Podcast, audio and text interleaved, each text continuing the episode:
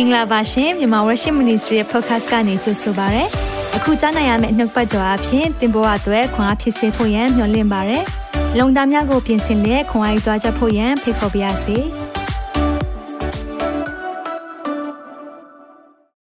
မင်္ဂလာပါ Shalom Church ဒီနှုတ်ပတ်တော်ကတရဖူ၅မျိုးအကြောင်းပြောမယ်။ယုံကြည်သူတိုင်းသိကိုသိရမယ့်အရာဖြစ်တယ်။အခုဆိုရင်သာဝရအမြင် series ကိုသင်ကြားလာတာပေါ့နော်ခုအပိုင်းလေးရောက်လာပြီဆိုတော့ဒါရအမြင်ဆိုတာအမြင်ကတအားအရေးကြီးတယ်ဆိုတော့အမြင်မမှန်တဲ့အခါမှာကျွန်တော်တို့လောက်ရမမှန်ဘူးပြောတာလည်းမမှန်ဘူးပေါ့ဆိုတော့ကျွန်တော်တစ်ခါလေးမှာကျွန်တော်အမြင်ကပြောင်းတတ်တယ်ဆိုတာကိုသိဖို့လိုတယ်တစ်ခါကကျွန်တော်တချင်းတိုက်မယ်ဆိုပြီးတော့လူငယ်တွေကိုခေါ်တာပေါ့နော်အဲ့ဒါနဲ့လူငယ်တယောက်နောက်ကြတော့သူလာတဲ့အခါမှာကျွန်တော်စိတ်ဆိုးဆိုးနဲ့သူ့ကိုပြောလိုက်တယ်ဘာလို့နောက်ကြတာလဲဒီလောက်ထိအချိန် နော်ပြောထားတဲ့ဥစ္စာကိုလို့ပြောတဲ့အချိန်မှာ तू ကကျွန်တော်နေမကောင်းလို့စီခန်းသွားရတာပါတဲ့အဲ့လိုပြောလိုက်ရောကျွန်တော်ကခုနပြောလိုက်မိတဲ့ဟာတွေအားလုံးကကျွန်တော်အမြင်ကပြောင်းသွားတယ်။ဘာကြောင့်လဲဆိုတော့အကြောင်းရင်းမှန်သိတဲ့အချိန်မှာကျွန်တော်တို့ရဲ့မှန်ကန်တဲ့အမြင်တစ်ခုကိုရသွားတယ်။ဆိုတော့ထိုနည်း၎င်းပဲကျွန်တော်ထာဝရကာလဆိုတဲ့အရာကြီးကမြင်ဖို့ရန်အတွက်တအားခက်ခဲတဲ့အရာဖြစ်တယ်။ဒါပေမဲ့ဖန်ဆင်းရှင်ဖခင်ကျွန်တော်နှလုံးသားထဲမှာထာဝရ eternity ဆိုတာကိုထည့်ထားပေးတယ်။ဒါကြောင့်သင်ကနားလေဖို့ခက်တဲ့အရာဖြစ်ကောင်းဖြစ်မယ်မြင်ဖို့ခက်တဲ့အရာဖြစ်ပေမဲ့သင်နှလုံးသားကနားလေတယ်။ဒါကြောင့်သာရအမြင် series ကိုခွန်အားယူပါဒီ series ကသင်ဘဝရဲ့ပြောင်းလဲစေတဲ့အရာတခုဖြစ်မယ်လို့ယုံကြည်တယ်ကျွန်တော်နဲ့ဆရာမရဲ့အသက်တာမှာဆိုလေ2016မှာသာရအမြင်အကြောင်းကိုကျွန်တော်ကောင်းကောင်းလေးလေ့လာတဲ့အခါမှာအမြင်မြန်ပြောင်းသွားတယ်အဲဒီနောက်မှာကျွန်တော်အသက်ရှင်ပုံတွေအရန်ထူးခြားမှုရှိတယ်ဒါကြောင့်လေ အသင်းတော်ကိုဒီနေ့ပြန်လည်ပြီးတော့ဒီအရာနဲ့ခွန်အားပေးခြင်းနဲ့ဒါကြောင့်ဒီနေ့နှုတ်ဘတ်တော်ကတရဖူ၅မျိုးအာမင်တရဖူ၅မျိုးအကြောင်းကိုကျွန်တော်လေ့လာသွားရအောင်ခဏလောက်သက်တာကိုအနံ့ရအောင်သက်ရှင်သောထာဝရမြတ်စွာဘုရားသခင်လက်ဝဲ၌အပ်ပါတယ်ဒီနေ့ပြောမယ့်အကြောင်းအရာဟာ လေးနဲ့ပါတယ်ကိုရောကျွန်တော်တို့ကိုပြင်ဆင်ထားတဲ့အရာများအတွက်ရင်ခုန်တယ်ကိုရောတစ်ချိန်တည်းမှာပဲဒီအရာကိုလှုပ်ဆောင်နိုင်ဖို့ရန်အတွက်လေကိုရောဂျေဇုတော်ကကျွန်တော်တို့ကိုမာစာပေးတယ်တန်ရှင်းသောဝိညာဉ်တော်ဘုရားကျွန်တော်တို့ကိုဆောင်မနေလို့ဂျေဇုတင်တယ်ဒီနေ့မှလည်းကိုရောနှလုံးသားအသီးသီးကိုကောင်းချီးပေးပါတယ်နားလည်ရတဲ့အခွင့်ပေးပါကျွန်တော်တို့ကိုကြောက်တတ်တဲ့သဘောမပေးဘူးတကူပါတဲ့စိတ်ချစ်တတ်သောစိတ်ရှင်းလင်းသောစိတ်ကိုကိုရောပေးတယ် ဒါကြောင့်ကိုရောဒီနေ့သရှင်သောဝိညာဉ်တော်ဖျားအောင်ဒီနေရာကနေကြိုးဆိုရဖိတ်ခေါ်တဲ့နေရာပေးတယ်တရားမှတရားပုံအပ်ပါတယ်နားလည်စေပါသခင်ယေရှုရဲ့မြတ်သောနာမ၌စက္ကန့်နဲ့ဆုတောင်းပါ၏အာမင်အာမင်ဆိုတော့ဒီနေ့လောက်ပတ်တော်ကတော့သာရမြင်အပိုင်းလေးတရဖူ၅မျိုးအကြောင်းကိုပြောသွားမှာဖြစ်တယ်ဆိုတော့တရဖူတွေအကြောင်းကိုပြောမယ်ဆိုတော့ဘာကြောင့်တရဖူတွေကိုအကြောင်းကိုပြောဖို့လိုတာလဲသခင်ပြောတဲ့စကားလေးနဲ့ကျွန်တော်အစကိုဖွင့်ချင်ပါတယ်ဗျာဒိတ်အ ခန်းကြီး1နဲ့3ကကျွန်တော်အသင်းတော်9ပါးပေါ့နော်အသင်းတော်တွေကိုပြောတဲ့စကားရှိတယ်ဆိုတော့ကျွန်တော်တို့ကလည်းဓာတ်ရိုက်ပြောတာဖြစ်တယ်ဆိုတော့အသင်းတော်9ပါးကိုသခင်ကဘာပြောလဲအဲ့ဒီထက်အသင်းတော်တစ်ပါးကိုဘာပြောလဲဆိုတော့ဗျာဒိတ်ဂျန်ခန်းကြီး3ငယ်17မှာငါသည်အလင်းမြန်လာမည်တင်းတရဖူကိုအဘယ်သူမျှမယူစေခြင်းကရခဲ့ပြီးတော့အရာကိုဆွဲကင်လောအာမင်ရခဲ့ပြီးတဲ့အရာကိုဆွဲကင်ပါတဲ့ဆိုတော့တရဖူကိုဘယ်သူမှမယူစေနဲ့တဲ့ ဘာကိုပြောချင်တာလဲဒီလေးလာသွားမယ်တရဖူကဖခင်ကကျွန်တော်တို့ကိုပြင်ဆင်ပေးတဲ့အရာတွေရှိပြီးသားဖြစ်တယ်ဒါပေမဲ့တခါလေမှကျွန်တော်တို့ကအဲ့ဒီအရာအတွက်ကိုအာယုံမဆိုင်ဘဲနဲ့တခြားအရာတွေသွားလုံးမိတတ်တယ်အဲ့လိုသွားလုံးမိတတ်ရင်ဖခင်ပြင်ဆင်ပြီးသားတရဖူကိုယ့်အတွက်မဟုတ်ဘဲနဲ့လွဲသွားတတ်တယ်အကြောင်းဒီနေ့ကျွန်တော်မေတ္တာနဲ့ပြောมาဖြစ်တယ်ကျွန်တော်လည်းကိုကိုကိုဒီအရာကိုပြန်လဲပြင်ဆင်တဲ့အခါမှာအယံကိုစိတ်လှုပ်ရှားတယ်တစ်ချိန်တည်းမှာပဲသခင်ကိုအယံကျေးဇူးတင်တယ် အာမင်ဒါကြောင့်ကျွန်တော်ဒီနှုတ်ပတ်တော်လေ့လာနေရင်းနဲ့သင်ရဲ့သက်တာမှာတန်ရှင်းသောဝိညာဉ်တော်ဘုရားကဒီနေ့လမ်းပြပါစေကြောက်ဖို့မဟုတ်ဘူးခြောက်ဖို့လည်းမဟုတ်ဘူးဒီနေ့သခင်ပြင်ဆင်ထားပေးတဲ့အရာတွေဟာကျွန်တော်တို့အတွက်ကြီးမားစွာရှိနေသေးတယ်ဆိုတာကိုမိတ်ဆွေကိုသိစေချင်တာဖြစ်တယ်ဒီနှုတ်ပတ်တော်ကိုသင်အခုကြားတယ်ဆိုရင်လုံးဝမနောက်ကြသေးဘူးအာမင်တရဖူရနိုင်တော်သူတွေဖြစ်တယ်ဒါကြောင့်မလို့ကျွန်တော်တို့တွေအသက်ရှင်ခြင်းကိုဘလို့အသက်ရှင်တင်လဲနှုတ်ပတ်တော်နဲ့ချိန်ထိုးရအောင် ဆိုတော့တရဖူ၅မျိုးထဲကပထမဦးဆုံးတရဖူကပါလဲဆိုရင်เนาะ the victor's crown လို့ခေါ်တယ်။အောင်နိုင်သူတရဖူเนาะနိုင်တဲ့သူတွေပန်းဝင်သွားတဲ့သူတွေအောင်နိုင်တဲ့သူတွေကိုပဲပေးတဲ့တရဖူဖြစ်တယ်။အဲ့ဒါကိုတမန်ကျမ်းစာထဲမှာတော့ဒီလိုမှတ်တမ်းတင်ထားတယ်။မညှိုးနွမ်းမပြက်စီးနိုင်တော့ပန်းဦးရဲ့လို့ပြောထားတယ်။မညှိုးနွမ်းမပြက်စီးဘူး။ဘာကြောင့်လဲဆိုတဲ့အရာလေးကိုဒါလေးက ရှင်ပေါလုကဒီအကြောင်းကိုပြောတဲ့ချိန်မှာသူက Corinth မြို့မှာလှုပ်တဲ့ပြိုင်ပွဲရှိတဲ့အရာနဲ့သူကဆက်ဆက်ပြီးတော့ပြောတယ်ဆိုတော့ Corinth အသင်းတော်ကဒါကောင်းကောင်းနားလေတယ်ဘသူကတရဖူရတယ်ဘသူကတရဖူမရအောင်ဆိုတော့သူတို့ကောင်းကောင်းနားလေတယ်ဒါကိုကျွန်တော်တို့နှုတ်ပတ်တော်ထဲမှာတစ်ကောအခန်းကြီး9ထဲမှာတွေ့ရတယ်အငယ်24ကနေဖတ်ချင်ပါတယ်မြေတလင်း၌ပြန်၍ပြေးကြသောသူပေါင်းတို့သည်ပြန်၍ပြေးကြသောတော်လဲ တယောက်သေးတာလင်စုကိုရသည်ဟုသင်တို့မသိကြသလိုတဲ့အဲ့ဒီတော့ပြိုင်ပွဲမှာပထမဇုံပန်းဝင်တဲ့တယောက်ပဲစုပေးတာအဲ့ဒီတယောက်ပဲရတယ်ဆိုတာမသိဘူးလားတဲ့ဒါကြောင့်သူကဘာပြောလဲဆိုတော့စုကိုရမိအကြောင်းပြေးကြလောအာမင်ရိုးရိုးလျှောက်ပြေးနေတာမဟုတ်အပျော်ပြေးနေတာမဟုတ်မာရသွန်เนาะကျွန်တော်ငယ်တော့ဆိုမာရသွန်ဟာပြေးမယ်ဆိုပြီးတော့တောင်ကြီးမြို့မှာမာရသွန်စလုပ်တဲ့အချိန်တော့ကျွန်တော်တအားစိတ်လှုပ်ရှားတယ်အဲ့ဒါကျွန်တော်နှစ်ခေါက်လောက်လေ့ကျင့်ပြီးသွားပြေးတာပဲ ဘယ်စင်ပြေးမလဲနော်ဆိုတော့အဲ့ဒီမှာနောက်တပတ်လောက်နှစ်ပတ်လောက်ကပေါင်းနေတောင်းပြီးတော့လမ်းလျှောက်ရတာအဆင်မပြေတွေဖြစ်ကုန်တယ်ဒီလိုမျိုးသွားလို့မရဘူးเนาะဆိုတော့ပြိုင်ပွဲတစ်ခုလုပ်လာပြီဆိုရင်ကျွန်တော်တို့စုရဖို့အတွက်ပြေးမယ်ဆိုရင်ဘာလုပ်ဖို့လိုလဲဆိုတော့လေ့ကျင့်ဖို့လိုတယ်เนาะဆိုတော့ training တွေလေ့ကျင့်ဖို့လိုတယ်အဲကြောင့်ကျွန်တော်တို့ရှင်ဘောလူကဘာပြောတယ်လဲစုရဖို့ပြေးပါတဲ့ပြေးမယ်ဆိုကြတဲ့ကကိုပန်းဝင်ဖို့ကိုသူကဥတီပြီးတော့ပြေးခိုင်းတာ ဘာဆက်ပြောလဲဆိုတော့ပွဲ၌ပြန်ရွေးအချင်းချင်းတိုက်တော်သူမိဒီကအရာရာ၌တတ်မှတ်ခြင်းကိုချုပ်တီးတတ်၏ဆိုတော့ပွဲ၌ပြန်၍အချင်းချင်းတိုက်တော်သူတွေဆိုတော့ပြိုင်ပွဲဝင်နေအားကစားသမားလို့ပြောလိုက်တာအရာရာ၌တတ်မှတ်ခြင်းကိုချုပ်တီးတယ်ဆိုတာသူကကာမဂုဏ်ချုပ်တီးနိုင်တယ်ဆိုတော့အားကစားသမားတယောက်အကြောင်းကိုကျွန်တော်ပြောမယ်ပေါ့နော်ဆိုတော့ကျွန်တော်လည်းအားကစားလုပ်ရတာကြိုက်တယ်ဒါပေမဲ့ကျွန်တော်တော့အားကစားသမားဖြစ်ဖို့ရန်အတွက်တော့ဖခင်ခေါ်ခြင်းကတော့မရှိဘူးဒါပေမဲ့ကျွန်တော် sport စိတ်ဝင်စားတယ်ဆိုတော့ အားကစားပေါ့နော်အားကစားလုပ်ခြင်းကိုကျွန်တော်ကြိုက်တယ်ဒါပေမဲ့အားကစားသမားတယောက်ရဲ့ဘဝကိုကြတော့ကြည့်တဲ့အခါမှာလေအင်မတန်မှစီကန်းရှိတာကိုတွေ့ရတယ်ဆိုတော့သူတို့ကဘယ်လိုစီကန်းရှိလဲမနဲ့စောစောထားတယ်နော်အားကစားသမားတွေစောစောထားတယ်စားခြင်းတိုင်းလည်းမစားဘူးသူတို့စားတော့ရတဲ့အစားတော့ကိုလည်းသူတို့ကအဲ့ဒီမှာဂယုစိုက်တယ်ဆိုတော့ တွေးကြရမစားဘူးကိုနဲ့မတည့်တာတွေမစားဘူး။ဘာကြောင့်လဲဆိုတော့စားတော့တာတခုခုလွဲသွားရင် performance မှာထိခိုက်တယ်။ဆိုတော့သူ့ရဲ့ပြိုင်ပွဲမှာသူကထိခိုက်မှာသိတဲ့အတွက်သူကဘာလုပ်လဲဆိုတော့ discipline ဆိုတာစီကန်းရှိတယ်။ဆိုယုံကြည်သူတယောက်ကလည်းကျွန်တော်တို့ကစီကန်းရှိဖို့လိုတယ်ဆိုတာကိုရှင်ဘောလူကပြောတာ။ကျွန်တော်ပြောတဲ့အရာစီကန်းရှိပါ။ပြီးရင်ပါဇက်တဲ့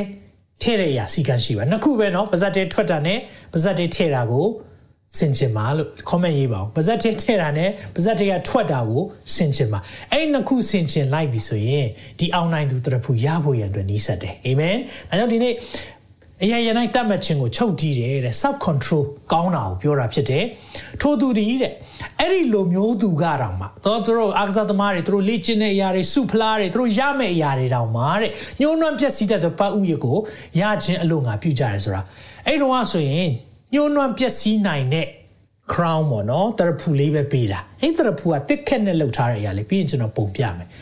ငါတို့မူကားတဲ့အဲ့မှာပြောပြီးယုံကြည်သူတွေကြတော့တဲ့မညှိုးနွမ်းမပြတ်စည်းနိုင်သောပန်းဥယျကိုရခြင်းအလို့ငါပြုကြ၏တဲ့ကျွန်တော်တို့ရမယ့်အရာကြတော့ဘယ်တော့မှမပြတ်စည်းမယ့်အရာဖြစ်တယ်တဲ့အာမင်ဘယ်တော့မှမပြတ်စည်းမယ့်အရာအတွက်ကိုပြေးပါအာမင်ဖခင်ပြင်ဆင်ထားတဲ့အရာဘယ်တော့မှမပြတ်စည်းဘူး ဘလောက်ကောင်းလိုက်တဲ့ဂရိလဲမိတ်ဆွေဘလောက်အထိဒါကကျွန်တော်တို့အတွက်ဟိုအားရှိဖို့လဲเนาะဆိုတော့ဒီနေ့ကျွန်တော်တို့ဆုလက်ကိုကြည်ရတာပေါ့เนาะဆုလက်ကိုကြည်တဲ့အခါမှာဒီပြိုင်ပွဲတော့ပြေးရမယ်เนาะတို့အားလုံးပြိုင်ပွဲလုပ်ရမယ်ဒီ24မိုင်ပြေးရမယ်ပြေးပြီးပြီပြေးပြီးပြီဆိုရင်ပြိုင်တဲ့သူတွေကိုဘာမှမပေးဘူးလို့ပြောရင်ကျွန်တော်ပြိုင်ပွဲဝင်ဖို့ရန်အတွက်အားရှိမှာမဟုတ်ဘူးအမေသခင်ကပြေးမယ်ဆိုရင်ပြေးပါအမေပြင်ဆင်ထားတဲ့အရာ ဘယ်တော့မှမပျက်စီးနိုင်တဲ့အောင်နိုင်သူတရဖူရှိတယ်တဲ့ဒါကိုဒီမှာပြောထားတာဖြစ်တယ် ထို့ကြောင့်ငါပြေးသောအခါဆိုရှင်ပေါလုကပြောတယ်သူပြေးရင်တဲ့အမှတ်တမဲ့ပြေးသည်မဟုတ်လက်ပွေတက်သောအခါအာဃာတကောင်းကင်ကိုသာထိုး၍တက်သည်မဟုတ်ဆိုတော့အမှတ်မှုမဲ့မှတ်မဲ့လေးပြေးလာမဟုတ်ဘူးရည်ရွယ်ချက်ရှိရှိသွားတယ်ဒါကြောင့်မလို့လေတဲ့သူတပားကိုဆုံးမပြီးကိုယ်တိုင်ရှုံးသောသူမဖြစ်ချင်ဘူးတဲ့သူများတော့သင်ပေးတယ်ကိုယ်တိုင်ရှုံးတဲ့သူမဖြစ်ဖို့တဲ့ကိုကိုကိုနှိပ်ဆက်လေးရှိတယ်ဆိုတာကိုကိုစစ်ဆန်းစစ်တယ်လို့ပြောတာကိုကိုကိုစမ်းစစ်ပြီးတော့ဆင်ချင်နေတာအဲကြောင့်ဒီနေ့ဒီရဲ့တရဖူ နောက်နံပါတ်1တရဖူဒါဘယ်တော့မှမပြတ်စီးမဲ့အရာလေးဆိုတော့အဲ့ဒီ Corin 2မှာပြုတ်လုပ်တဲ့ပွဲတစ်ပွဲရှိတယ်အဲ့ဒီပွဲကိုဘာခေါ်လဲဆိုတော့ Athenian ပွဲဆိုတာ Athenian ပေါ့နော် Athenian ဒီပွဲကအိုလံပစ်ပွဲနဲ့တစ်လှည့်စီကျင်းပတာဆိုအိုလံပစ်ပွဲကျင်းပပြီးရင်နောက်တစ်ချိန်မှာဒီ Athenian ပွဲဒီ Athenian ပွဲက Corinth မြို့မှာကျင်းပတာဆိုတော့အဲ့ဒီမှာစုယူတာတော့ Bema ဆိုရဲနော်အရင်ဘက်ကဆင်မပြောပြသွားတယ်ဒီစုယူတဲ့ နေရာလေး Bema Bema လို့ပြောတိုင်းပေါ့နော်ဒီခရစ်တော်ရဲ့တရားပလင်ဆိုတာလေအဲ့ဒီတိုင်းပဲစုယူရမယ့်နေရာနော်စုယူရမယ့်နေရာလေးဆိုတာ Corinth အသင်းတော်ကောင်းကောင်းသိတယ်ဆိုတော့ဒီအကြောင်းတွေပြောတော့ဆိုတော့အဲ့ဒီမှာဆုရတဲ့သူတွေကိုဘာပေးလဲဆိုရင်ဒီမှာကြည့်လိုက်ပါအောင်เนาะဆိုတော့ဘယ်ဘက်ကဒီ tissue ခက်လေးနဲ့လှုပ်ထားတဲ့အရာဆိုရင်တော့ဒါက Athenian ပွဲမှာပေးတဲ့အရာကိုပေးတာနော် Athenian ပွဲမှာနိုင်တဲ့သူကိုပေးတာဒီဘက်ညာဘက်တစ်ခု Olympic မှာပြိုင်တဲ့သူ အဲ့ဒါကြတော့သူကတန်လင်ခွက်ဖြစ်ပုံရပါတယ်เนาะဆိုတော့အဲ့ဒါလေးကိုပေးတာဆိုတော့ဒီတစ်ရက်ခွက်တွေရဖို့ကြတော့ပြေးကြတယ်ဒါပေမဲ့ဒါရရင်တောင်မှဒါပျက်စီးသွားမယ့်အရာဒါပေမဲ့သင်ရဲ့ယုံကြည်ခြင်းပြေးလမ်းမှာပြေးတဲ့အရာ ဘယ်တော့မှဘယ်တော့မှမပျက်စီးမဲ့ဆုလက်ရှိတယ်ဟာလေလုယာဘလောက်ဝမ်းသာဖို့ကောင်းလဲဒါကြောင့်မလို့မဿဲ6အငယ်19မှာအာသခင်ကဘာပြောလဲလူကာထဲမှာလည်းဒီအကြောင်းပြောထားတယ်နော်တန်ကြီးပိုးရွဖြစ်စီ၍တခိုးထွင်းဖောက်ခိုးယူရာမြေကြီးပေါ်မှာဘန္နာကိုမရှိဘူးကြနဲ့တန်ကြီးပိုးရွမဖြစ်စီ၍တခိုးမထွင်းဖောက်မခိုးမယူရာကောင်းကင်ဘုံ၌ဘန္နာကိုစီဘူးကြလောတဲ့ဒီနေ့ဖြက်စီးလို့မရတဲ့ဘန္နာရှိတယ်အာမင်အဲ့ဒီဖြက်စီးလို့မတဲ့အရာလုံးဝမပြက်စီးသွားနိုင်ခုနပေးတဲ့ crown ပဲဖြစ်ဖြစ်เนาะလောကမှာအခုပေးတယ်เนาะကျွန်တော် tennis မှာနိုင်တဲ့သူတွေ grand slam မှာနိုင်တဲ့သူဖလားတွေရတယ်ဒါပေမဲ့အဲ့ဖလားလည်းပြက်စီးသွားမှာငွေကြေးပေးတယ်ငွေကြေးကလည်းကုန်သွားမှာပြက်စီးသွားမှာဒါပေမဲ့ကျွန်တော်တို့အတွက်ဖျားပြင်ဆင်တဲ့အရာဘယ်တော့မှမပြက်စီးတဲ့အရာတဲ့ hallelujah ဘယ်လောက်ထိကျွန်တော်တို့စူးစမ်းတင်တယ်လဲဘယ်လောက်ထိကျွန်တော်တို့ဒီပြက်ပြေးလမ်းမှာ စုရဖို့ရန်အတွက်ပြေးရမလဲမိတ်ဆွေတို့ခွန်အားပေးခြင်းတယ်အာမင်ဒါကြောင့်ဒီရဲ့ဖလားဘယ်သူတွေရမလဲယုံကြည်ခြင်းပြေးလမ်းမှာအားကစားသမားကဲ့သို့စီကံရှိတဲ့သူတွေရမယ်အာမင်ဝိညာဉ်ရေးရမှာစီကံရှိတဲ့သူတွေရမှာဆူတောင်းခြင်းကကြုံလို့ဆူတောင်းတာမဟုတ်ကျမ်းစာဖတ်တာအစင်မပြေလို့နောက်ဆုံးခိုကိုးရမဲလို့ကျမ်းစာဖတ်တာမဟုတ်နေ့တိုင်းသွားတာနေ့တိုင်းဆူတောင်းတာနေ့တိုင်းဖျားနဲ့အချိန်ယူတာမိသားရရှိပြီးတော့စီကံရှိတာဝိညာဉ်ရေးရမှာ အဲ့ဒီလူလူမျိုးတွေကဒီရဲ့ပထမဆုံး Victor's Crown အောင်နိုင်သူသရဖူဒါမှမဟုတ်ရင်မညှိုးနွမ်းမပျက်စီးတဲ့ပန်းရည်သရဖူရမယ်အာမင်ဒါကြောင့်ကျွန်တော်တို့အတွက်မျှော်လင့်ချက်ရှိလားရှိတယ်အဲကြောင့်မလို့သခင်ကပြောလဲအကျင့်ရက်မှာသင်တို့ဗန္နာရှိတယ်ထိုရက်၌သင်တို့စိတ်နှလုံးရောက်တယ် Facebook ကိုရောက်တာများလားရောက်တာများရင်ကိုယ့်ရဲ့အဓိအဓိကတန်ဖိုးထားနေတဲ့ဗန္နာ Facebook ဖြစ်နေလို့ ရီးစားစီပဲရောက်နေတယ်ဆိုရင်လည်းရီးစားကကိုယ့်ရဲ့တကယ်ကိုတန်ဖိုးထားတဲ့အရာဖြစ်နေလို့ဒါမဲ့သခင်ဟာကိုယ့်ရဲ့တန်ဖိုးအရှိဆုံးသောအရာဖြစ်တယ်ဆိုရင်တော့သခင်စီမှာစိတ်ရောက်နေပါအာမင်ဒါကြောင့်ဒီနေ့ဒါကြောင့်သခင်ကကျွန်တော်တို့ကိုပြောတာပေတီးကလည်းဒါပြောထားတယ်ပေတီးတစ်ပေတစ်အငယ်သုံးပါဘယ်လိုပြောလဲဆိုတော့အသက်ရှင်ခြင်းနဲ့ဆက်ဆိုင်သောမျောလင့်ခြင်းအကြောင်းရှိစေခြင်းကဖောက်ပြန်ခြင်းညှစ်ဆွန်းခြင်းညှိုးနွမ်းခြင်းနဲ့ကင်းစင်သောအမွေတော်အမွေတော်လို့ပြောကြည့်ပါ အမွေတော်ဖခင်ရဲ့အမွေကဖောက်ပြန်ခြင်းနေညစ်ဆွန်းခြင်းနေညှိုးနွမ်းခြင်းနေမရှိဘူးတဲ့ငါတို့ဒီခံရမိအကြောင်းခရစ်တော်ကိုသိခြင်းမှထားမြောက်စေတော်မူသောအဖြစ်ကြီးစွာသောဂိယူနာတော်နှင့်အညီငါတို့ကိုတဖန်ဖြစ်ပွားစေတော်မူသောငါတို့ဖျားသခင်ငါတို့သခင်ယေရှုဤခမဲတော်ဖျားသခင်သည်မင်္ဂလာရှိတော်မူစေတည်းထိုအမွေတော်က ဘာလဲအဲ့ဒီအမွေအကြောင်းသိချင်တယ်ဆိုရင်ပြောထားပြီးနောက်ဆုံးသောကာလ၌ထင်ရှားစေခြင်းကပြင်ဆင်သောကယ်တင်ခြင်းတို့ရောက်စေမိအကြောင်းအာမင်ဖခင်ကကျွန်တော်တို့ကိုကယ်တင်ခြင်းပေးတယ်ဆိုတာကျွန်တော်တို့ကိုဒီနေ့လောကနော်ပျက်စီးခြင်းတွေကနေကယ်ဖို့တခုတည်းမဟုတ်ဘူး ထာဝရမှာလည်းဆုချဖို့ရန်အတွက်ဖြစ်တယ်အာမင်အဲကြောင့်ယုံကြည်ခြင်းအဖြစ်ဘုရားသခင်၏တကိုးတော်သည်စောင့်ရှောက်တော်မူသောသင်တို့အဖို့ကောင်းကင်ဘုံ၌တူထားလျက်ရှိသောအမွေတည်းဟာလေလုယာဘုရားကောင်းကင်မှာအမွေပြင်ဆင်ထားပြီအာမင်အာမင်ဒါကြောင့်ဒီရဲ့ယုံကြည်ခြင်းခင်းလမ်းမှာသွားတဲ့အခါမှာစီကံရှိတော်သူများဖြစ်ရအောင်အာမင်ဒီမှာနှစ်ချက်သွားရအောင် the crown of rejoicing ဝမ်းမြောက်ခြင်းတရဖူတဲ့ဝမ်းမြောက်ခြင်းတရဖူနော် the crown of rejoicing ဝမ်းမြောက်ခြင်းတရဖူလည်းရှိပါတယ်ဘယ်သူတွေရမလဲနောက်ဘက်တော့ထဲမှာကြည့်အောင်သက်တာလောနေဩဝါဒစာပထမဆုံးခန်းကြီး2အငယ်19မှာဗာပြောလဲဆိုတော့ငါတို့မျော်လင့်ခြင်းအကြောင်းအမှမျော်လင့်ခြင်းလို့ပြောကြည့်ပါ ဝမ်းမြောက်ခြင်းအကြောင်းဝမ်းမြောက်ခြင်းလို့ပြောကြည့်ပါဝါကြွားခြင်းဥယျာတရဖူကအဘယ်သို့သောအကြောင်းအရာနည်းဘာလဲငါတို့မျှော်လင့်ခြင်းနဲ့ဝမ်းမြောက်ခြင်းဘာလဲယုံကြည်သူများကျွန်တော်တို့မျှော်လင့်ခြင်းနဲ့ဝမ်းမြောက်ခြင်းကျွန်တော်ဝါကြွားဖို့ဥယျာတရဖူဆိုတာကျွန်တော်တို့ပြောစရာရှိတာလေးကတခုရှိတယ်ဆိုရင်ဘာဖြစ်မလဲဘာလဲဆိုတော့အမှပြောထားတယ် ငါတို့သခင်ယေရှုကြွလာတော်မူသောအခါဟာလေလုယာဒီနေ့ကျွန်တော်တို့မျှော်လင့်ရာကသခင်ယေရှုမဟုတ်ဘူးလားသခင်ကြွလာခြင်းကိုမျှော်လင့်တဲ့သူတွေအာမင်ရှေ့တော်၌ထို့သောအကြောင်းအရာဖြစ်ကြသည်မဟုတ်လို့မဟုတ်လို့တဲ့သူပြောချင်တာသခင်ပြန်လာရင်ဝမ်းမြောက်စရာအကြောင်းတွေအများကြီးတွေ့ရလိမ့်မယ်ဒီအချိန်မှာဝမ်းနေရတယ်ကြေကွဲရတယ်မြန်မာနိုင်ငံရဲ့အခြေအနေကြီးတဲ့အခါမှာအဖက်ဖက်ကချွန့်ချုံကြတဲ့အခါမှာကျွန်တော်တို့ကြေကွဲရတယ်ဝမ်းနေရတယ်ဒါပေမဲ့ သခင်ပြန်လာတော့မယ်မာရနာသာအာမင်ကျွန်တော်မျှော်လင့်ရာနဲ့ဝမ်းမြောက်ရာရှိတယ်မိတ်ဆွေအခုခံစားနေရတဲ့ဒုက္ခတွေအခုကြုံဆုံနေရတဲ့ဆင်းရဲခြင်းတွေတသက်လုံးမဟုတ်ဘူးဒီຢာတွေအားလုံးကနေလွတ်ငြိမ်းချမ်းသာခွင့်ဖရားပေးမယ်အာမင်ဒါကြောင့်ကျွန်တော်တို့မျှော်လင့်ရာဟာသခင်ယေရှုဖြစ်တယ်အာမင်ဒါကြောင့်မလို့အစင်ရွှင်လန်းဝမ်းမြောက်ကြပါ rejoice always ရှင်ပေါလုကဘာလို့ rejoice always အမြဲတမ်းဝမ်းမြောက်ခိုင်းတယ် तू ဝမ်းမြောက်တယ်လို့ပြောတဲ့အချိန်မှာ तू ထောင်ထဲကနေ ရင်းနေတာထောင်ကျနေအကျဉ်းကျနေတဲ့အချိန်ကနေ rejoice တဲ့ကျွန်တော်ယုံကြည်သူတွေဝမ်းမြောက်ပါတဲ့ဘာကြောင့် तू အဲ့လိုပြောနိုင်တာလဲ သူ့မှာမျှော်လင့်ခြင်းရှိတယ်။သူ့မှာယုံကြည်ကိုးစားရ။ तू ကရှိနေတဲ့အခါမှာလောကအတွက်အသက်ရှင်တာမဟုတ်ဘူး။တမလွန်နောင်ရေးမှာကောင်းကင်အတွက် तू ကကောင်းကင်သားဖြစ်တယ်ဆိုတာသိခြင်း။အာမင်။ဒါကြောင့်ကယ်တင်ခြင်းရတဲ့သူတွေရမှာ။ဟာလေလုယာ။အကြောင်းဝမ်းမြောက်ခြင်းတရဖူရှိထားပြီးပြီလေမိတ်ဆွေ။ဒီနေ့အခုကြုံနေရတဲ့ဆင်းရဲခြင်းတွေဖျားနာခြင်းတွေပင်ပန်းခြင်းတွေစိတ်မသာညှိတွားခြင်းတွေအရာအလုံးကနေဘုရားလူငိမ့်လူငိမ့်ချမ်းသာခွင့်ပေးမယ်။ hallelujah amen This is the day of salvation ဒီနေ့ဟာကယ်တင်ရာနေ့ဖြစ်တယ် hallelujah အကြောင်းမလို့ဘသူတွေကဝမ်းမြောက်ရွှင်လန်းတယ်လေနော်ဒီနေ့ဖခင်ရဲ့ဂတိတစ်ခုထဲမှာကျွန်တော်တို့အဲ့ဒီဝမ်းမြောက်ရှင်တဲ့ကောင်းကင်ရောက်တဲ့အချိန်မှာဖခင်ကဘာလုပ်ပေးမလဲဗျာဒိတ်21အငယ်လေးမှာဖခင်သခင်သည်တင်တို့ဤမျက်စိ၌မျက်ရည်ရှိသမျှတို့ကိုတုတ်တော်မူမီအာမင်ဘလောက်ကောင်းလိုက်တဲ့ဂတိလေ ကျွန်တော်တို့ငိုကြွေးနေရတဲ့အရာတွေကျွန်တော်တို့ပင်ပန်းဆင်းရဲတဲ့အရာတွေကျွန်တော်တို့မခံနိုင်တဲ့နာကျင်မှုတွေမျက်ရည်တွေကျပြီးတခါလေမှမျက်ရည်တောင်ကုန်သွားပြီလားလို့ထင်ရတဲ့အချိန်တွေအဲ့ဒီမျက်ရည်အလုံးတုပ်ပေးမယ်တနည်းအားဖြင့်ဘာပြောတာလဲသေဘေးဆိုတာမရှိတော့ဘူးတဲ့စိတ်မသာညီးတွားခြင်းဆိုတာမရှိတော့ဘူးအော်ဟစ်ခြင်းပင်ပန်းခြင်းလည်းမရှိရဟာလေလုယာကောင်းကင်ရဲ့မြေကြီးမတည်ပဲငါစကားတည်မယ်သခင်ယေရှုပြောထားပြီးသားဖြစ်တယ်ဒါကြောင့်ဖခင်ရဲ့နှုတ်ကပတ်တော်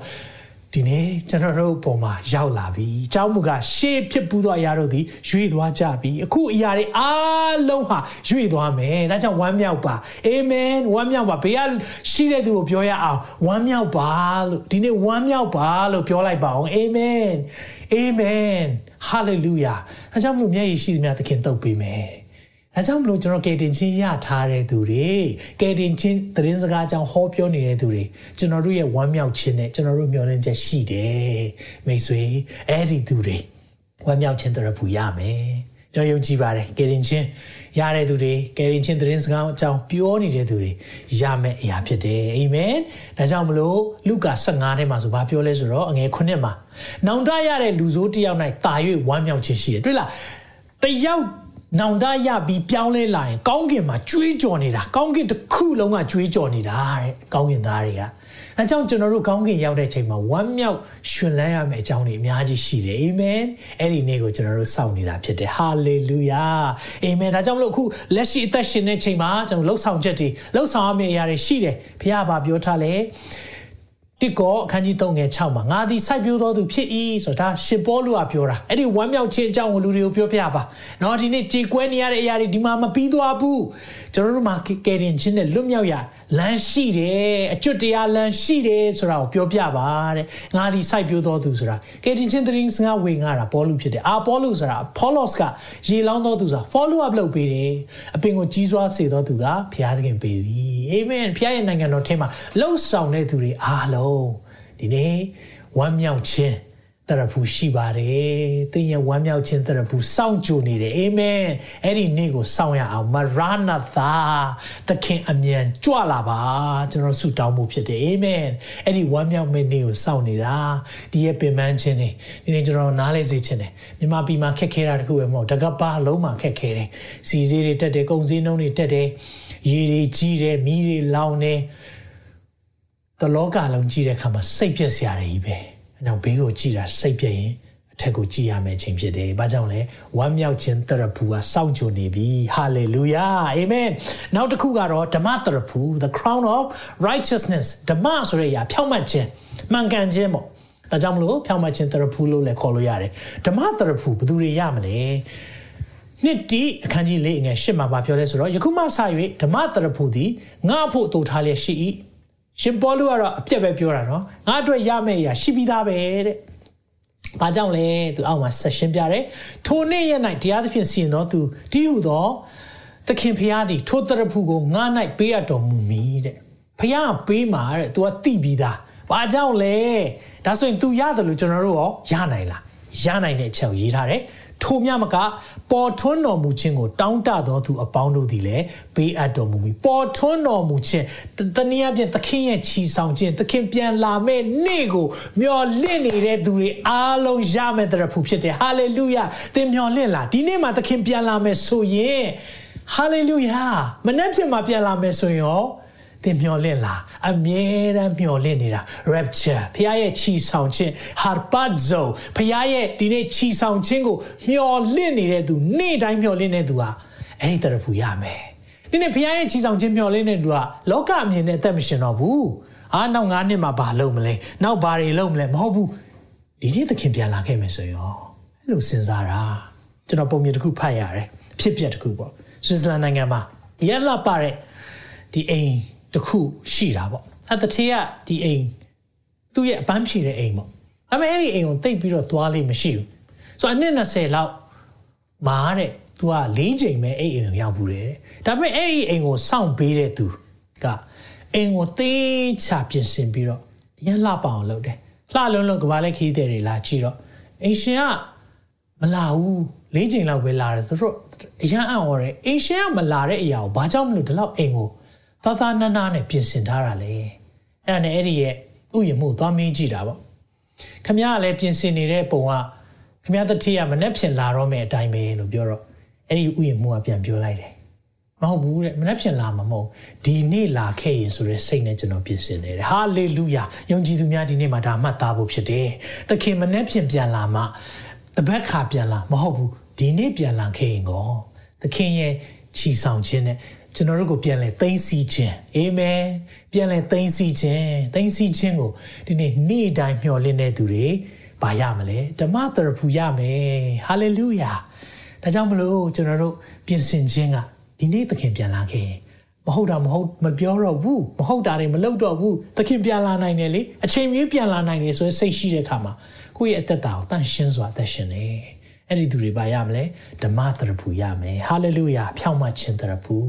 ဒီအရာရမယ်အာမင်အဲကြောင့်မလို့ကျွန်တော်ရနိုင်တဲ့အရာရှိတယ်နံပါတ်၄အသက်သရဖူ the crown of life ဒီဒီရဲ့အသက်သရဖူကြတော့ဘယ်သူတွေကိုပေးမှာလဲအသက်သရဖူဒီရဲ့အသက်သရဖူကိုကျွန်တော်ကြည့်ရအောင်ရှင်ယာကုပ်ဩဝါဒစာထဲမှာဗာပြောထားလဲဆိုတော့အခန်းကြီး1ခန်းငယ်စနစ်စုံစမ်းနောက်ဆက်ခြင်းကိုတီးခံတော်သူသည်မင်္ဂလာရှိ၏အကြောင်းမူကားစစ်ကြောစုံစမ်းခြင်းကိုခံပြီးမှ သခင်ဖျားကိုချစ်တော်သူတို့အားဂတိထားတော်မူရာအသက်တရဖူကိုရလိမ့်မည်စုံစမ်းနောက်ဆက်ခြင်းဆိုတာခရစ်တော်နာမကြောင့်စုံစမ်းနောက်ဆက်ခြင်းခံရတဲ့အရာတွေအသေးခံရတဲ့အရာတွေဒီအရာတွေနဲ့သွားတဲ့သူတွေအတွက်ပါရမလဲဆိုတော့အသက်တရဖူရတယ်မာတုရတရဖူလို့လည်းခေါ်လို့ရတယ်ဆိုတော့မာတုရတရဖူတွေဒီနေ့သခင်ကအဲ့ဒီသူတွေကိုပေးခြင်းတဲ့အရာဗျာဒိတ်နှစ်ထဲမှာလည်းအသင်းတော်ခုနှစ်ပါးကိုစကားပြောတဲ့အချိန်မှာ အသင်းတော်တစ်ခုလည်းဒီလိုပြောတယ်နော်ဗျာဒိတ်နှစ်အငယ်တစ်ဆင့်မှာတင်သည်ခံရမည့်အရာတစ်စုံတစ်ခုကိုများမကြောက်နှင့်တင်တို့သည်ဆုံစမ်းခြင်းကိုခံရမိကြောင်းမာနသည်တင်တို့တွေအချို့ကိုထောင်ထဲ၌လှောင်ထား၍တင်တို့သည်ဆယ်ရက်ပတ်လုံးဆင်းရဲဒုက္ခကိုခံရလိမ့်မည်သေသည့်တိုင်အောင်တစ္ဆာဆောင်လောပြောကြည့်ပါသေသည့်တိုင်အောင်တစ္ဆာဆောင်လောသို့ဖြစ်လင်အသက်တရဖူကိုငါပေးမိဟာလေလုယာဒီနေ့စုံစမ်းခြင်းတွေခံရတဲ့အချိန်မှာစိတ်မပြတ်သွားတဲ့နော်ဒီအသင်းတော်တော်တော်လေးခံလိုက်ရတယ် နော်အသင်းတော်ခုနပါလေးလာတဲ့ထဲမှာဒါကိုလေ့လာဘူးတယ်ဆိုတော့ခရစ်တော်ရဲ့နာမကြောင့်ခံရတဲ့နေရာအများကြီးရှိတယ်အခုချိန်မှာကျွန်တော်တို့အများကြီးရှိတယ်ဒါလေးကျွန်တော်ပြောပြခြင်းတယ်ဆိုတော့အဲ့ဒီတုန်းကဘယ်လိုခံရလဲဆိုတော့ဒီမှာဆိုရင်ဒါပုံကပကြီးပြန်ပြီးတော့တရုပ်ဖော်ထားတဲ့အရာပေါ့နော်တကယ်အဖြစ်အပျက်ကိုပြန်ပြီးတော့ပကြီးဆရာပြန်တရုပ်ဖော်ထားတယ်အဲ့မှာကြီးတဲ့အခါမှာယုံကြည်သူခရိယန်ဖြစ်တယ်ဆိုရင်အဲ့တော့ဘယ်လိုလောက်ခံရလဲ ဆိုတော့တော့မီးတိုင်လေးတွေညာဖက်ပိုင်းမှာပေါ့နော်သူကညမှာထွန်းဖို့မီးတိုင်လေးတွေလှုပ်ထားတယ်ဒါပေမဲ့အဲ့ဒီမီးတိုင်ကလူတွေကိုဖမ်းပြီးတော့နော်ကောက်ရိုးကြောက်တွေမျက်ခြောက်တွေနဲ့မီးစာပေါ့ပတ်ထားပြီးတော့အဲ့ဒီမှာခရစ်တော်ညင်းမလားဒါမှမဟုတ်ရင်လက်ခံမလားဆက်သွားမလားကြိုက်တာရွေးပါမညင်းနိုင်ဘူးခရစ်တော်ငါတို့ကိုကယ်တင်ထားတယ်အဲ့လိုပြောတဲ့သူတွေမိရှို့ပေးလိုက်တယ်ဆိုတော့အော်နေရမှာလောင်နေတာလောင်ကျွမ်းသွားတာ အဲ့လိုအခြေအနေမျိုးသာကြုံခဲ့မယ်ဆိုရင်ဒီနဲ့ကျွန်တော်ဒီဖျားကိုကိုးကွယ်အောင်မလားအဲ့လိုမျိုးကိုးကွယ်နိုင်တဲ့သူပါရလဲအသက်တရဖူရတယ် the crown of life အသက်တရဖူမာတုရတရဖူအယမ်းမြင့်တယ်အာမင်အဲကြောင့်ကျွန်တော်တို့ခရစ်တော်နာမကြောင့်ညှင်းဆဲနှိပ်စက်ခြင်းခံရတယ်နောက်ဆုံးအသက်ပါအသေးခံရတယ်ဆိုရင်တော့ဖခင်ကတင့်အတွက်ပြင်ဆင်ထားတဲ့အသက်တရဖူရှိတယ်ဟာလေလုယာ အာမင်ဆိုတော့ကျွန်တော်ခရိယန်နေအန်ဒီရရှိဆုံးနိုင်ငံစီရင်90ရှာကြည့်တဲ့အခါမှာမြန်မာနိုင်ငံကနေရာ18မှာရှိတယ်ခရိယန်နေဖြစ်ချင်းကြောင့်ပေါ့နော်ခက်ခဲတဲ့နေရာလေးတွေကဘာမှာရှိတယ်အဲ့ဒီထဲမှာကျွန်တော်နိုင်ငံကနံပါတ်18မှာရှိတယ်အခုယေရှုနောက်ကိုလိုက်ဖို့ခက်ခဲတဲ့နိုင်ငံတွေနိုင်ငံစီးရင်ထဲမှာဆိုရင်ပထမဆုံးကတော့အာဖဂန်နစ္စတန်မှာဖြစ်တယ်ပြီးတော့မြောက်ကိုရီးယားတို့ဆိုမာလီတို့လီဘီယာတို့မွတ်စလင်နိုင်ငံတော်တော်များများတွေပါတယ် ဆိုတော့ဒီနိုင်ငံမှာရှိတဲ့သူတွေအများကြီးခရစ်တော်နာမကြောင့်အသက်ခံရတယ်ကျွန်တော်တို့ဒီညီကိုမောင်နှမတွေအတွက်အမြဲဆုတောင်းပေးဖို့လိုတယ်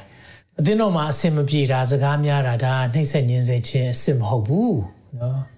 ဒါဒီမှာရှိတဲ့လူတွေကခရစ်တော်လက်ခံမင်းတို့အိမ်ကိုမီးရှို့ပြစ်မယ်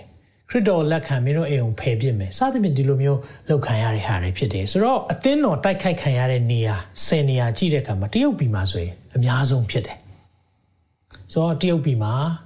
ဆိုတော့3000လောက်အမှုခင်းနေရှိတယ်နိုင်ဂျီးရီးယားမှာလည်းရှိတယ်ဘင်္ဂလားဒေ့ရှ်ပါကစ္စတန်ဆိုတော့နှစ်ပတ်နဲ့ရှိတယ်မှာကြည်လိုက်ရင်ဒီလိုမျိုးဒါမျိုးလေးတွေဒါကတော့2020နဲ့2021ကာလထဲမှာဖြစ်တဲ့အရာမှတ်တမ်းတင်ထားတဲ့အရာရှိတယ်။နောက်ပြီးရင်ခရစ်တော်ကြောင့်အသက်ခံရတာအများဆုံးနေရာ10 10နိုင်ငံထဲမှာနိုင်ဂျီးရီးယားမှာအများဆုံးပဲ။ကြည့်ပါအောင်နော်မာဒူရာတွေ4000ကျော်4650ပါကစ္စတန်မှာဆို600ကျော် ဆိုတော့တချို့ဟိုမှာနိုင်ငံတခုမပြောထားဘူးအဲ့ဒီမှာလည်းတက်ခံရတဲ့အရာရှိတယ်ဆိုတော့ဒီလိုမျိုးတွေတက်ခံရတဲ့အချိန်မှာသူတို့အတွက်ဖခင်ကဘာပြင်ဆင်ထားပေးလဲအသက်တရဖူရှိတယ်အာမင်အဲကြောင့်ကျွန်တော်တို့သူတို့အတွက်လည်းဆုတောင်းပေးဖို့ဖြစ်တယ်လို့သူတို့အတွက်လည်းကျွန်တော်တို့ပြင်ဆင်ပေးဖို့ဖြစ်တယ်ဒါကြောင့် ဘသူတွေလည်းညှင်းဆဲခံရမလဲတိမောသေထဲမှာဗာပြောလဲနှစ်တိအခန်းကြီး3ငယ်7နှစ်မှာယေရှုခရစ်တရားတော်နှင့်အညီဖျားဝင့်၌မွေ့လျော်၍နေခြင်းကအလိုရှိသောသူအပေါင်းတို့သည်ညှင်းဆဲခြင်းကိုခံရကြလိမ့်မည်။ဒီနည်းမဟုတ်တဲ့နည်းနဲ့တော့ညှင်းဆဲခံရလိမ့်မယ်။ခရစ်တော်ရဲ့တရားတော်နဲ့အညီသွားမယ်။ဝိဖျားဝင့်၌မွေ့လျော်ဖို့အလိုရှိတယ်ဆိုရင်တော့ညှင်းဆဲခံရလိမ့်မယ်။မဟုတ်တာရှောက်လုံနေလို့နော် Facebook မှာမဟုတ်တာတွေရှောက်ပြောနေလို့သူများဆဲတာအဲ့ဒါပြောတာမဟုတ်ဘူး။ ခရစ်တော်ရဲ့နာမကြောင့်ဒီနေ့တရားတော်နဲ့အညီသွားတဲ့သူတွေအတွက်ညှင်းဆဲခြင်းရှိတယ်ဒါမဲ့ဘာရှိသေးလဲသူတို့အတွက်အသက်တရဖူလည်းဖခင်ပြင်ဆင်ထားပေးတယ်ဟာလေလုယာနောက်ဆုံးတရဖူကတော့ the crown of glory ဘုံကြီးသောပန်းဥရဲ့တရဖူတဲ့เนาะဒါနောက်ဆုံးတစ်ခုဖြစ်တဲ့ဘုံကြီးသောပန်းဥရဲ့တရဖူဘယ်သူတွေရမလဲကြည်အောင်တစ်ပေ ခန်းကြီးငါအငယ်တစ်ကနေလေးမှာပါပြောလဲဆိုတော့သင်အောင်အရာ၌၎င်းခရစ်တော်ဤဆင်းရဲဒုက္ခဝေဒနာကိုသိမြင်သောတသက်အရာ၌၎င်းခံထားသောသူဆိုတာအသင်းတော်မှာဥဆောင်နေတဲ့ခေါင်းဆောင်တွေလို့ပြောချင်တာဖြစ်တယ်ထင်ရှားတော်မူတတ်သောဘုံတည်းကိုဆက်ဆံတော်သူဖြစ်သောငါပေကြီးသည်သင်တို့တွင်ရှိသောသင်အုပ်ချင်းတို့ကိုတောင်းပန်ပါ၏ဆိုတော့တခြားလူတွေကိုသူပြောပြချင်တယ်တဲ့ပေကြီးကသင်တို့နဲ့အတူရှိသောဘုရားသခင်တိုးတော်စုကိုထိန်းခြင်းအမှုတဲ့ ဆိုတော့ဒါသင်အောင်ဆရာတွေပေါ့နော်ပါစတာလုပ်တဲ့သူတွေတိုးတော်စုတွေကိုထိန်းထားပေးတဲ့သူတွေကအနိုင်ထိန်းရတော့ကြောင့်မဟုတ်မစင်ကြယ်သောစီးပွားကိုတတ်မှတ်ခြင်းကြောင့်မဟုတ်ဆိုတော့အတင်းအဓမ္မယာထူးအနေနဲ့ထိန်းတာမဟုတ်ဘူးအတင်းအဓမ္မเนาะအနိုင်ထက်ပြုတ်ပြီးလုပ်တာမဟုတ်ဘူးတဲ့အလိုလိုစေနာစိတ်ရှိတွေကြည့်ရှုတာတဲ့နှလုံးသားထဲမှာချစ်တဲ့စိတ်နဲ့သိုးတွေကိုပြုစုတဲ့သူတွေအားလုံး ဒီသူတွေကိုရမယ့်အရာရှိတယ်တဲ့အတီးတီအုပ်တော့အသင်းတော်တို့ကိုအာဏာထား၍အစိုးရပြုသူမို့အာဏာနဲ့နော်ဂျင်းနဲ့ချင်းမဂျင်းနဲ့အဲ့လိုလုပ်တာမဟုတ်ဘူးတဲ့သိုးတော်စုရှိမှာပုံသက်တွေပြတော်သူတဲ့နော်ဆိုတော့သိုးတွေကိုနောက်လိုက်လာဖို့ပုံသက်တွေပြတဲ့သူတွေဘာရမလဲသိုးထိန်ကြီးပေါ်ထွန်းတော်မူသောအခါသင်တို့သည်မညို့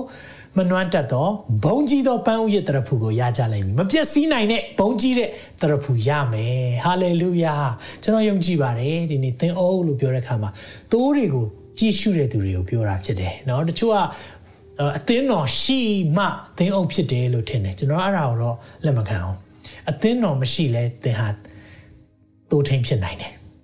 ကိုယ့်ရဲ့ဘေးနားမှာရှိတဲ့တိုးတွေမိသားစုတွေကတိုးတွေဆွေမျိုး ပတ်ဝန်းကျင်ကတိုးတွေကိုကြီးစုပေးတဲ့သူအနိုင်ထက်နဲ့မဟုတ်ဘူးတဲ့စိတ်လုံးထဲကနေချစ်တဲ့စိတ်နဲ့သူတို့တွေပုံသက်သေအဖြစ်ကိုကရက်တီပေးတဲ့သူတွေဘာရမလဲဒီနေ့မှာဖခင်ကအဲ့ဒီသူတွေအတွက်ကိုဘုံကြည်သောပန်းရတဲ့ဖို့ရမယ်ကိုဆန်နက်စကူပဲတင်တယ်ရနိုင်လားကျွန်တော်ထင်နေရနိုင်တယ်ဘာကြောင့်လဲသူသေးသေးလေးတွေကိုပြုစုတာဟာလေလုယာအကြောင်းမလို့သင်အုပ်လို့ပြောတယ်ပါဆာလိုင်စင်ရတဲ့သူတွေပဲမဟုတ် ပါဆာလိုင်စင်ရတဲ့သူတွေလွတ်သွားမှတော့မြင်အောင်မိသေးတယ်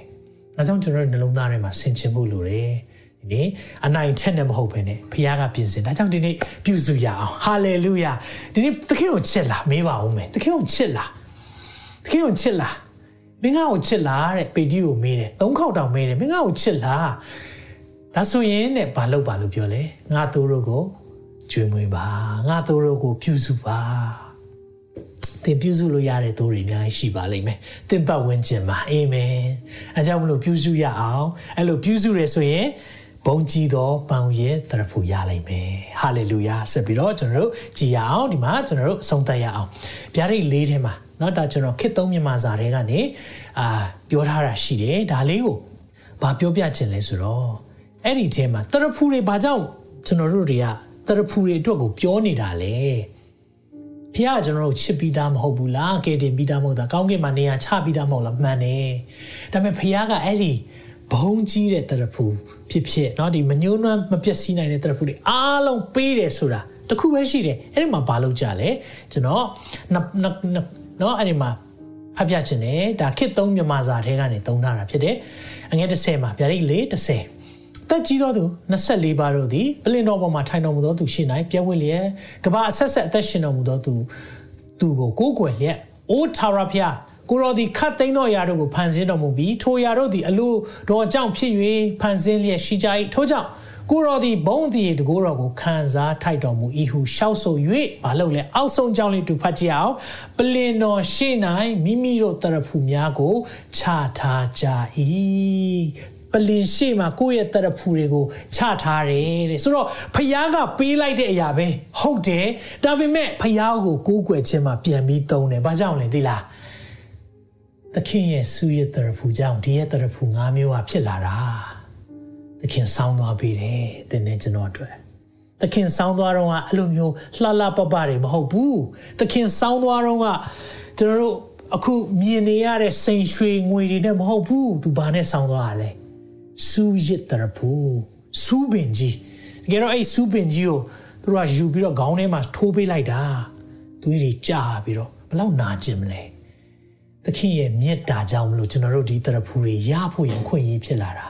ဒါပေမဲ့သခင်ကိုတကယ်ကိုးကွယ်တဲ့ခါမှာကြတော့အဲ့ဒီကျွန်တော်ရခဲ့တဲ့သက်တရဖူပဲဖြစ်ဖြစ်ပန်းဦးရတရဖူပဲဖြစ်ဖြစ်ဝမ်းမြောက်ခြင်းတရဖူအားလုံးကိုသခင်ရှေ့မှာပြန်ချပြီးသခင်ကိုဘုံဘုံကြီးခြင်းအားလုံးပြန်ပေးတယ်ဟာလေလုယာ သင်အဲ့ဒီချိန်ကြရင်ချစရာရှိပါမလားဒီဒီစဉ်းစားကြည့်အောင်သူတွေအများအားလုံးကတော့သခင်ရဲ့မြတ်တာကိုပြန်တုံ့ပြန်တဲ့အနေနဲ့သခင်ပေးထားတဲ့တရဖူကိုချတဲ့ချိန်မှာတင့်မှာတရဖူမရှိရင်သင်မဲ့ဝမ်းနဲ့မှာသင်မဲ့ကြည်ကွဲမှာဒါကြောင့်ဒီနေ့ကိုယ့်ရဲ့အသက်ရှင်ခြင်းပုံစံပြောင်းပါကိုမှစီကံမရှိဘူးစားချင်တာစားပြောချင်တာပြောရဲဆိုရင်စီကံရှိစွာနဲ့ဝိညာဉ်ရေးရမှာသွားပါသင်တို့ Victor's Crown အောင်နိုင်သူတရဖူရှိတယ်အာမင်ကယ်တင်ခြင်းရတယ်ကယ်တင်ခြင်းအကြောင်းလူတွေကိုဝမ်းမြောက်ခြင်းနှိုးဆော်ရဲဆိုရင်ဝမ်းမြောက်ခြင်းတရဖူရှိတယ်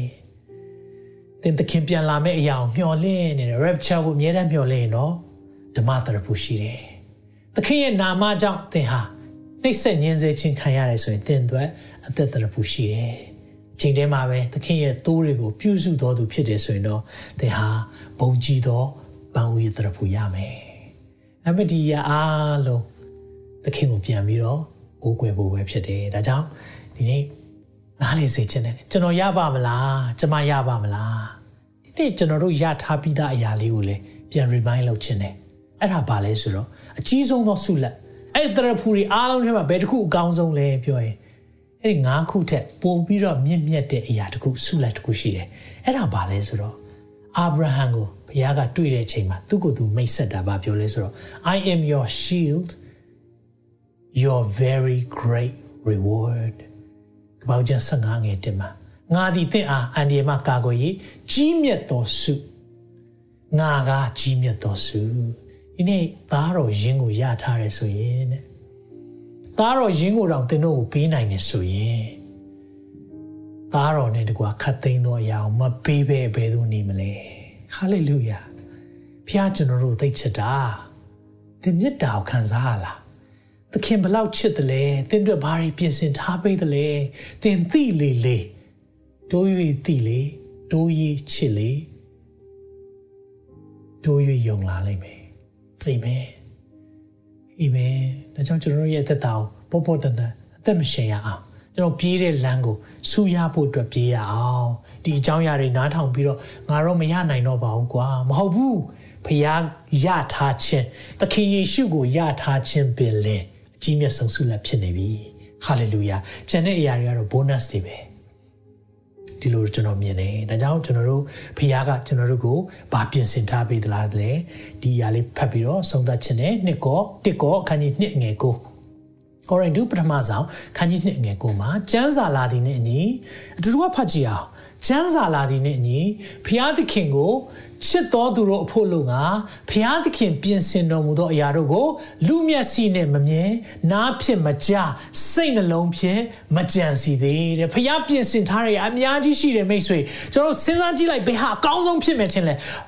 crown လေးလှပဆုံးတရဖူမြင်အောင်ကြည့်လိုက်အဲ့ဒီဟာတက်ကောင်းတယ်။ ဘာကြောင့်လဲ။မျက်စိနဲ့မမြင်ဘူးသေးဘူးတဲ့။နားနဲ့တော့မကြားဘူးသေးဘူးတဲ့။စိတ်နှလုံးနဲ့တော့စိတ်ကူးထဲမှာမရှိသေးတဲ့အရာတွေအားလုံးထက်ဖះပြင်ဆင်ထားပေးတဲ့အရာရှိတယ်။ဘယ်သူတွေရမလဲ။ဖះကိုချစ်တဲ့သူတွေရမှာ။ဟာလေလုယာ။အာမင်။ဒါကြောင့်ကျွန်တော်ရဲ့အသက်တာဒီနေ့မိခွန်းကသင်သခင်ယေရှုကိုရပြီးပြီလား။သခင်ယေရှုရခြင်းကအကြီးမြတ်ဆုံးသောဆုလတ်ဖြစ်တယ်။အဲ့ဒီဆုလတ်နောက်ွယ်မှာဖះပေးမဲ့အရာတွေအများကြီးရှိတယ်။ ကြောင့်ထာဝရကာလမှာမျက်နှာငယ်တဲ့သူတွေမဖြစ်စေချင်ဘူးကျွန်တော်မှစပြီးသူတစ်ပါးကိုတုံသင်ပြီးကိုယ်တိုင်ရှုံးတဲ့သူမဖြစ်မဖြစ်ချင်ဘူးအဲကြောင့်ဒီနေ့အသက်တာကိုပြန်လည်ပြင်ဆင်မယ်အာမင်အဲကြောင့်သခင်သခင်ရဲ့မြတ်တာကိုကျွန်တော်တာ၍နားလည်ပြီးကျမတာ၍နားလည်ပြီးဒီနေ့ကိုရောကိုရောကိုရခြင်းကကျမရဲ့သက်တာကျွန်တော်ရဲ့သက်တာမှာအကြီးမားဆုံးဆုလက်ဖြစ်တယ်လို့ခဏလောက်ဝန်ခံပါဟာလေလုယာဟာလေလုယာ အာမင်ဟာလေလုယာအိုးကိုရောဂျေဇုတင်ပါတယ်ကျွန်တော်တို့အတွက်ရခြင်းကိုရောကိုရခြင်းဟာကျွန်တော်တို့အတွက်ကြီးဆုံးသောဆုလဖြစ်ပါတယ်ဒီတော့ကိုရောဂျေဇုတင်တယ်သားတော်ရင်းကိုမြမနှမျောပဲငါတို့အဖို့လုံးကစွန့်တော်မူသောသူသည်သားတော်နဲ့တကွာခတ်သိမ်းသောအရာမပေးပဲဘယ်သို့နေမလဲဟာလေလုယာကိုရောပြင်ဆင်ထားတဲ့အရာတွေအတွက်ကျွန်တော်တို့ကိုကိုရောပြင်ဆင်နေတယ်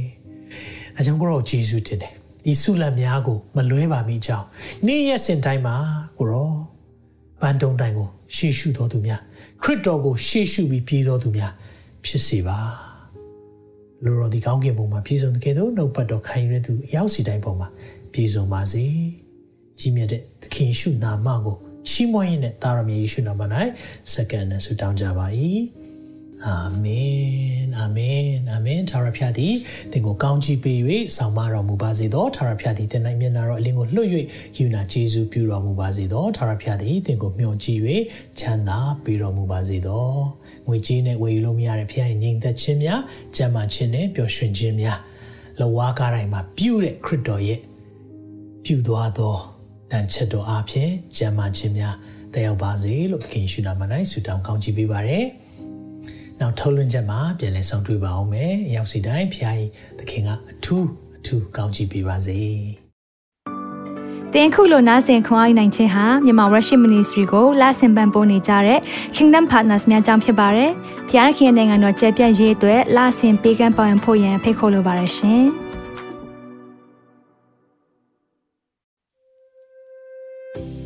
အခုကြားနာခဲ့ရတဲ့နှုတ်ပတ်တော်အဖြစ်ခွန်အားရရှိမဲ့လို့ယုံကြည်မျှော်လင့်ပါတယ်။ ခွာရရဆိုလို့ရှိရင်ဒီတစ်ပတ်နဲ့ပြန်လည်ဝင်မြပေးဖို့ရန်တောင်းဆိုပါရစေမြန်မာ Worship Ministry ရဲ့ website myanmarworship.com ကိုလည်းလာရောက်လေ့လာဖို့ရန်တွဲဖိတ်ခေါ်ချင်ပါတယ်။တချိန်ထဲမှာမြန်မာ Worship Ministry ရဲ့ social media platform များဖြစ်တဲ့မြန်မာ Worship YouTube Channel, မြန်မာ Worship Facebook Page နဲ့မြန်မာ Worship Instagram များကိုလည်းလာရောက်လေ့လာဖို့ရန်တွဲဖိတ်ခေါ်ချင်ပါတယ်။နောက်တစ်ချိန်မှာပြန်လည်ဆုံတွေ့ကြပါစို့။ဖျားရှင်ကောင်းကြီးပေးပါစေ။